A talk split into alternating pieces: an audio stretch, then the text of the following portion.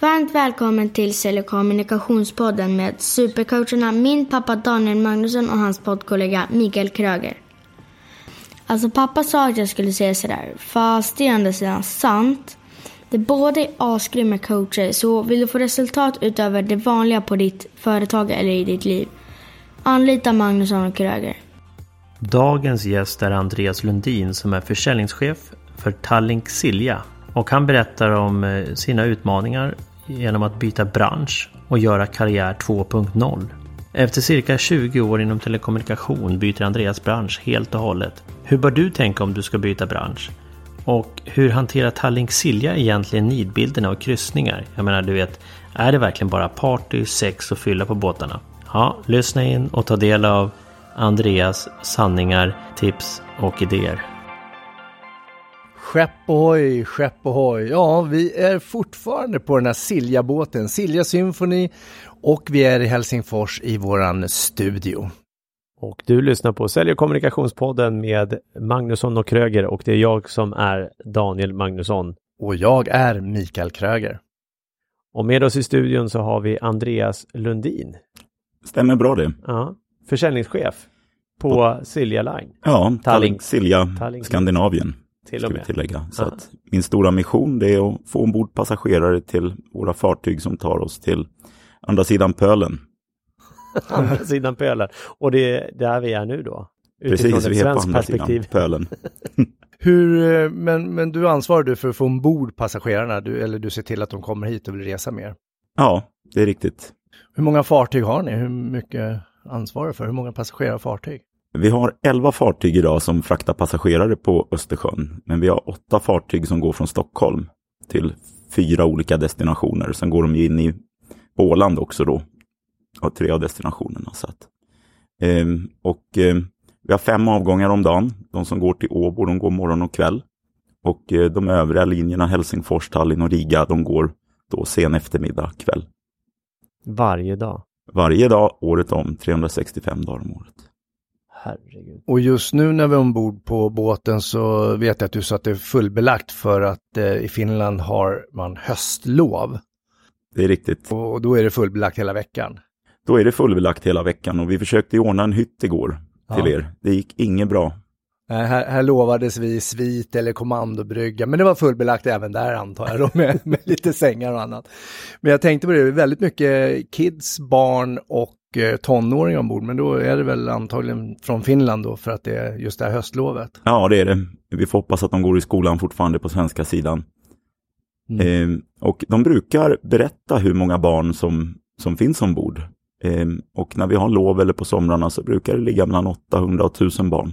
Någonting. Åh herregud, det är inte konstigt att det var liv här igår i bollhavet. Ja, Men det behöver inte varit barnen i och för sig, det kan Nej, ju varit andra exakt. vuxna på sentimmarna, det vet jag inte. hur, hur, hur många tar den här båten då? Den tar ungefär 2800 passagerare Ja. i eh, cirka 1000 hytter. Men det är ju väldigt sällan som man kommer upp i de volymerna. Det beror ju på att ofta så bor man färre i en hytt som har en högre kapacitet. Mm. Just det. Så att eh, runt 2000 passagerare, då, då är det hyggligt fullbelagt. Och hur kommer det sig att du, hur, när började du jobba här och hur kommer det sig att du började jobba med, med båttrafik? Ja, eh, jag har ungefär ett och ett halvt år i branschen. Så Ja. jag är en riktig färsking fortfarande. Men eh, jag har under lång tid åkt med fartygen och eh, älskat att, resa. Eh, jag är gift med en finsk fru sedan 20 år tillbaks. Vi har en sommarstuga i Finland.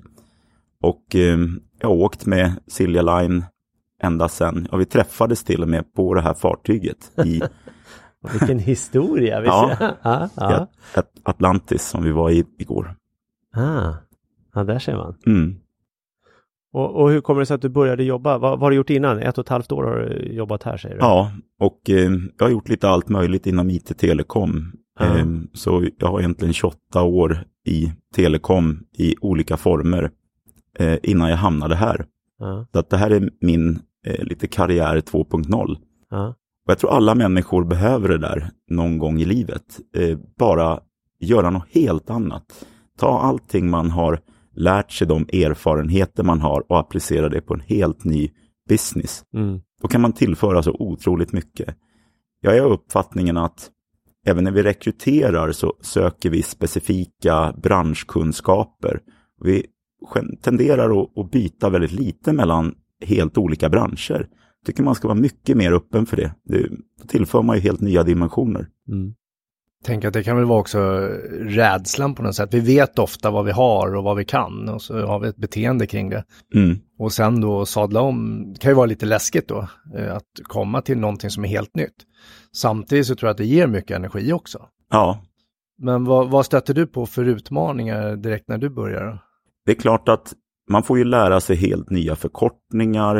Eh, det tar ju en stund innan man lär sig eh, vad kärnan är i verksamheten, vad som är eh, själva spiriten i företaget. Och, men jag tycker ändå att, att jag kom in i det relativt fort. Och det beror ju förmodligen på att jag åkt mycket båt också. Funderat mycket innan vad, vad, jag, vad jag skulle vilja ändra på om jag satt i den här positionen. Mm. Den absolut största missionen som jag har, det är att se till att folk mår bra på jobbet. Eh, mm. att ge dem uppskattning för det jobb de gör. Det är en, det är en otroligt, eh, otrolig värme på kontoret. Eh, och det, det är någonting man slås av direkt man kliver in, även besökare som kommer dit. Eh, platt organisation, vi har en väldigt ödmjuk vd. Det är ingen som är för mer än någon annan, utan vi hjälps åt. Mm. det är inte bara en klyscha, utan så ser det ut också. Det är en skön organisation att verka i på det viset. Eh, och, men, men just att se folk inte hålla på att detaljstyra för mycket utan eh, folk som alla har styrkor i någon form och eh, just ta tillvara på allas olikheter. Eh, det tror jag är min styrka som ledare. Mm. Hur, hur, många, eh, för du, när du säger kontoret, då är, då är inte det Silja Line Symphony där vi sitter idag? Nej, nej, det är ju eh, i land då i Stockholm. Vi sitter Aha. ungefär 130 stycken totalt, men Aha. det är ju med, med incheckningspersonal och allting då. Aha. I Värtahamnen? I, i Värtahamnen, precis. Okej. I den nya fina byggnaden? Ja, ja, det är fantastiskt fint. Ja, verkligen. Ja, byggnaden är fin, men hela Värtahamnen är ett katastrofområde om man tänker sig logistiskt sett nu med ombyggnationer och hur, har det påverkat er någonting? Det har det till stor del. Eh, vi skäms ju lite hela tiden, tyvärr, eh, för infrastrukturen runt omkring. Vi försöker göra det bästa av situationen, informera passagerare hur man tar sig till och från kollektivtrafik och så, men eh, under perioder av högsäsong, till exempel sommaren, då går det ju inte att hitta en parkering i närheten.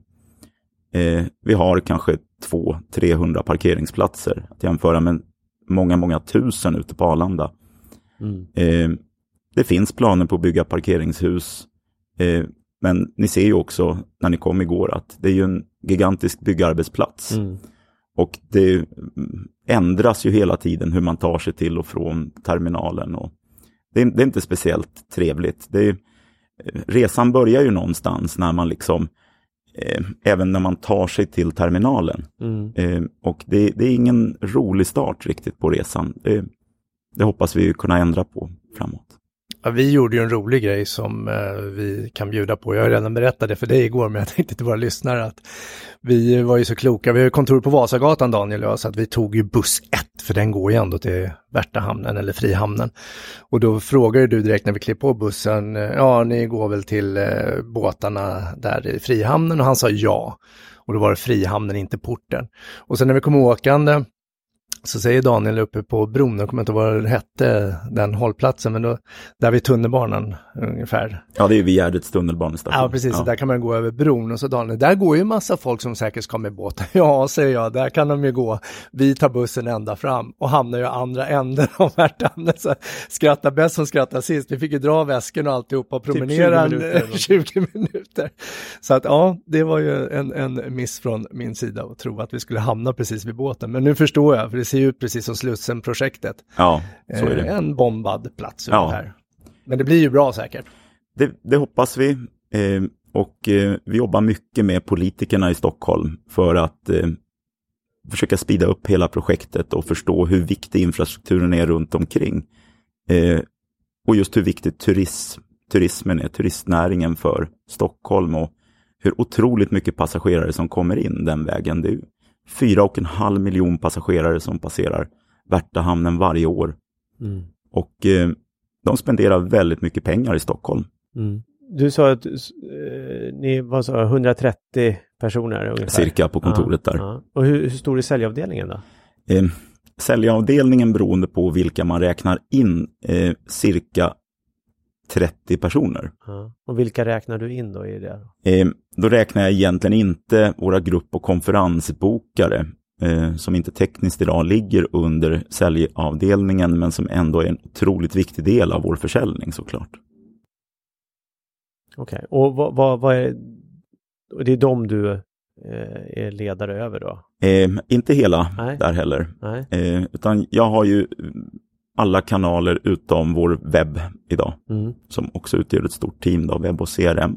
Mm. Eh, men kanaler där vi har någon form av aktiv påverkan. Eh, så det är egentligen hela vår företagsförsäljning, det vi kallar för B2B. Mm. Eh, det är våra försäljningskanaler i form av resebyråer, researrangörer som är ganska stort Mm. över hela Sverige. Kallas för tour operators. Det ofta sker de med buss. Och sen har vi en hel del specialkryssningar. Och sen har vi ganska mycket allianssamarbeten med eh, företag som har till exempel kundklubbar i olika former, fackförbund, eh, där vi erbjuder någon form av mervärde till deras medlemmar. Mhm. Men inte tuff konkurrens med, med Silja och Viking och Birka och sen vet jag inte om det finns något mer. Men jag tänker det, det är rätt många fartyg på, på den här lilla pölen då. Om Det är det. Det är väldigt tuff konkurrens eh, varje dag. Och eh, det är ingen hemlighet att vi går med viss överkapacitet under stora delar av året. Men under sommarperioden så är ju fartygen hos alla rederier tämligen fulla. Mm. Det är klart, skulle man dra ner på kapaciteten, då skulle man ju ha ett problem under den perioden. Eh, så att den är dimensionerad utifrån lite gungor och karuseller. Tittar man också på hur ekonomin ser ut i rederierna så de pengar man genererar, de tjänar man under sommarperioden. Mm. Och resten är i bästa fall en plus minus noll affär. Så, och, och, I din roll då, vad, vad är din största utmaning?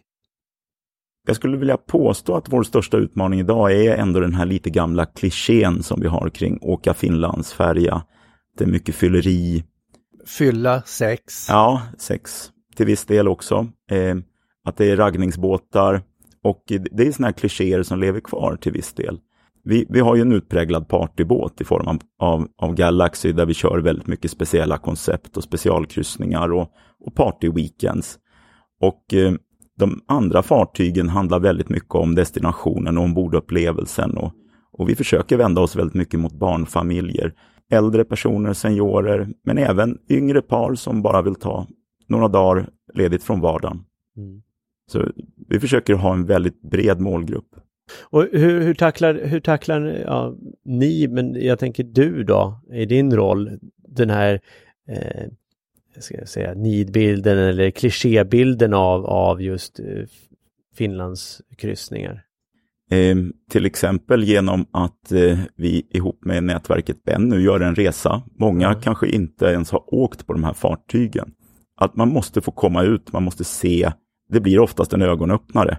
Mm. Eh, så att jag också pratade med två tjejer igår från Södra Teatern och en av dem var väldigt skeptisk mot båt. Det blir mycket sådana här frågor. Hur fort sjunker båten om den börjar sjunka? Det är Aha. inte en helt ovanlig fråga. Nej, okej. Man, man är lite rädd för det där ändå.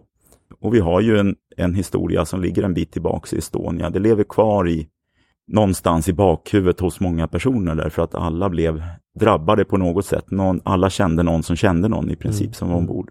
Ja, det är väl ändå 25 år sedan ungefär va? Ja. Ja. De här fartygen är så otroligt mycket säkrare än, än vad Estonia var. Och man införde ju ett annat regelverk där också då med flera vattentäta dörrar eh, och så vidare. Och eh, med de vågorna och det vädret som vi har på Östersjön så då sjunker inte ett sånt här fartyg helt enkelt. Nej. Mm. Ja, det finns väl få, få sätt som är tryggare än, än att åka de här båtarna. Framförallt på, på, även om det kan vara stormigt på, på Östersjön så känns det som att den ligger ändå hyfsat skyddat. Ja, Eller? jo men så är det. Jämfört med om vi skulle åka ut i Atlanten till exempel. Ja, det är en otrolig skillnad på väderförhållanden. Eh, Det räcker att man kommer till västkusten på Sverige så har man ju betydligt högre våghöjder än, än vad vi har på Östersjön. Ja. Så bemötande av hur snabbt sjunker båten, och det kan du förklara med tekniska delar och extra utrustningar och byggt mer och säkrare och så vidare. Hur bemöter du fylla och, och sex, eh, sexraggningsfyllebåt Ja, det är någonting som vi får jobba väldigt mycket med. Ett exempel där vi har haft problem, det är ju att vi har en branschöverenskommelse ihop med Viking Line där vi till exempel stänger taxfree för alkoholförsäljning på utresan. Det har ju varit problem tidigare att man går och köper sig sitt helrör och sätter sig i hytten och eh, konsumerar alldeles för mycket alkohol. Mm. Tyvärr mycket av de här tråkigheterna, de är ju relaterade till för hög alkoholkonsumtion. Mm. Mm. Och eh, vi har kommit bort väldigt mycket. Talar man med personalen ombord på fartygen så är de väldigt glada för att vi har tagit det beslutet. Mm. Så det går alltså inte att köpa alkohol när man åker ut? På Åbo-linjen idag. Åbo, ja, det, ja. just det, den, den rena kryssningsfartygs... Precis, under party-weekends då. Så åker du en tisdag då kan du göra det, men där har vi liksom inte de problemen. Nej, utan det är mer runt helg och liksom Ja, när folk är lediga precis. på ett annat sätt. Ja, Mm. Så vad är din eh, framtidsvision då? Ja, när det gäller Östersjön så ser vi att eh, trafiken mellan Finland och Sverige, eh, den är ganska statisk. Eh, det som växer mycket det är Baltikum och framtidsvisionen är ju att svenskarna ska mer upptäcka vad Baltikum har att erbjuda. Och Tallinn och Riga framför allt. Det är ju många som inte har varit i de städerna. Tallinn som är Stockholms närmaste huvudstad. Riga som har sån otrolig svensk historia och en gång i tiden var Sveriges största stad. Eh, åker man till de eh, huvudstäderna till att börja med så har man mycket nytt att upptäcka. Och eh, när man sen tar sig inåt länderna så kommer man upptäcka så mycket svensk historia i de här länderna. Kan, om, jag, om jag har en bransch där jag jobbar i en bransch där Mm. det finns mycket klichéer, för du har ju mycket klichéer och nidbilder Ja. och så vidare. Hur motarbetar du det? Alltså, kan du ge något tips till en lyssnare vad de, hur, hur de kan göra? Så som vi gör så försöker vi sakta men säkert eh, jobba med andra typer av produkter, partnerskap där vi sakta flyttar oss bort från det här. Det tar väldigt lång tid.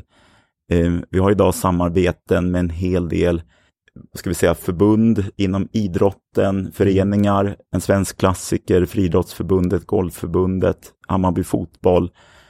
Föreningar som vi jobbar aktivt med och vi transporterar väldigt mycket människor som också är i rörelse. Det åker många personer över Östersjön idag för att utöva idrott till exempel. Mm. Då blir det ett, ett nytt, en ny möjlighet att upptäcka var, vad de här fartygen faktiskt är för någonting. Mm.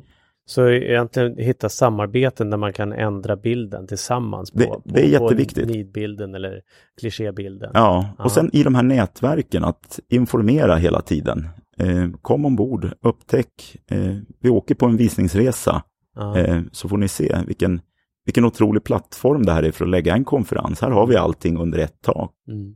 Men så också tänker jag det jag hör dig säga är ju att våga bemöta också och testa någonting nytt då. Ja, Så som du nämnde till exempel med att stänga taxfree-butiken, det är ju ett ganska stort steg för det kan ju ses som ett intäktstapp. ja, Men att våga möta upp då och prova nya saker för att få bort nidbilden.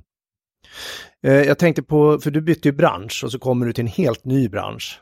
Vad skulle du säga till folk som sitter där och känner sig lite så här småsugna? Åh, jag skulle så gärna vilja prova något helt annat, men nej, jag vågar inte. Vad skulle du säga till dem?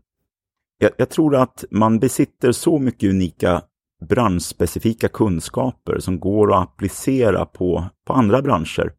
Det kan handla om allt ifrån hur man säljer till marknadsföringstekniker och när man har varit med länge så har man ju samlat på sig ändå en hel del erfarenhet. Det blir ofta en liten vitaminboost också för det företaget man kommer till. På, på mitt företag, företag så gjorde vi på det här viset istället. Och det fungerade fantastiskt. Ofta svårt när man sitter i ett företag. Det, det blir väldigt processorienterat. Processer är ju det är ett fult ord, men, men om saker och ting ska fungera smidigt så bygger man mycket processer. Mm. Och eh, det är ofta de som är unika och det är de man tar med sig. Och de bygger man upp saker och ting då på, ett- på ett vattentätt sätt så blir det mycket mindre problem med att saker faller mellan stolarna, man fångar upp problem på ett helt annat sätt tidigare. Men det är ju alltid målet någonstans, det är att bygga det här självspelande pianot så att man kan luta sig tillbaks. säger han och sitter lätt tillbakalutad i ett fantastiskt konferensrum som består av ett runt bord. Mm. Som vi blev fascinerade av att man kan sitta 16 personer här, lite så här tempelriddarna runt det runda bordet och resonera. Så att, eh, vi hade inte sett det här rummet om inte vi hade fått möjlighet att ha studion här inne. Vilket är fantastiskt. Så eh, tack så hemskt mycket. Andreas. Tack själv. Vilken ära. Och eh, vilken ära att få ha er ombord. Tack så mycket. Tack snälla för att du har lyssnat på den här podcasten idag.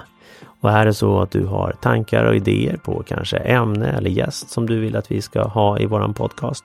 Hör av dig till oss på info magnussonkroger.se du är också varmt välkommen att följa oss på exempelvis Instagram och det gör du på Magnusson Kroger.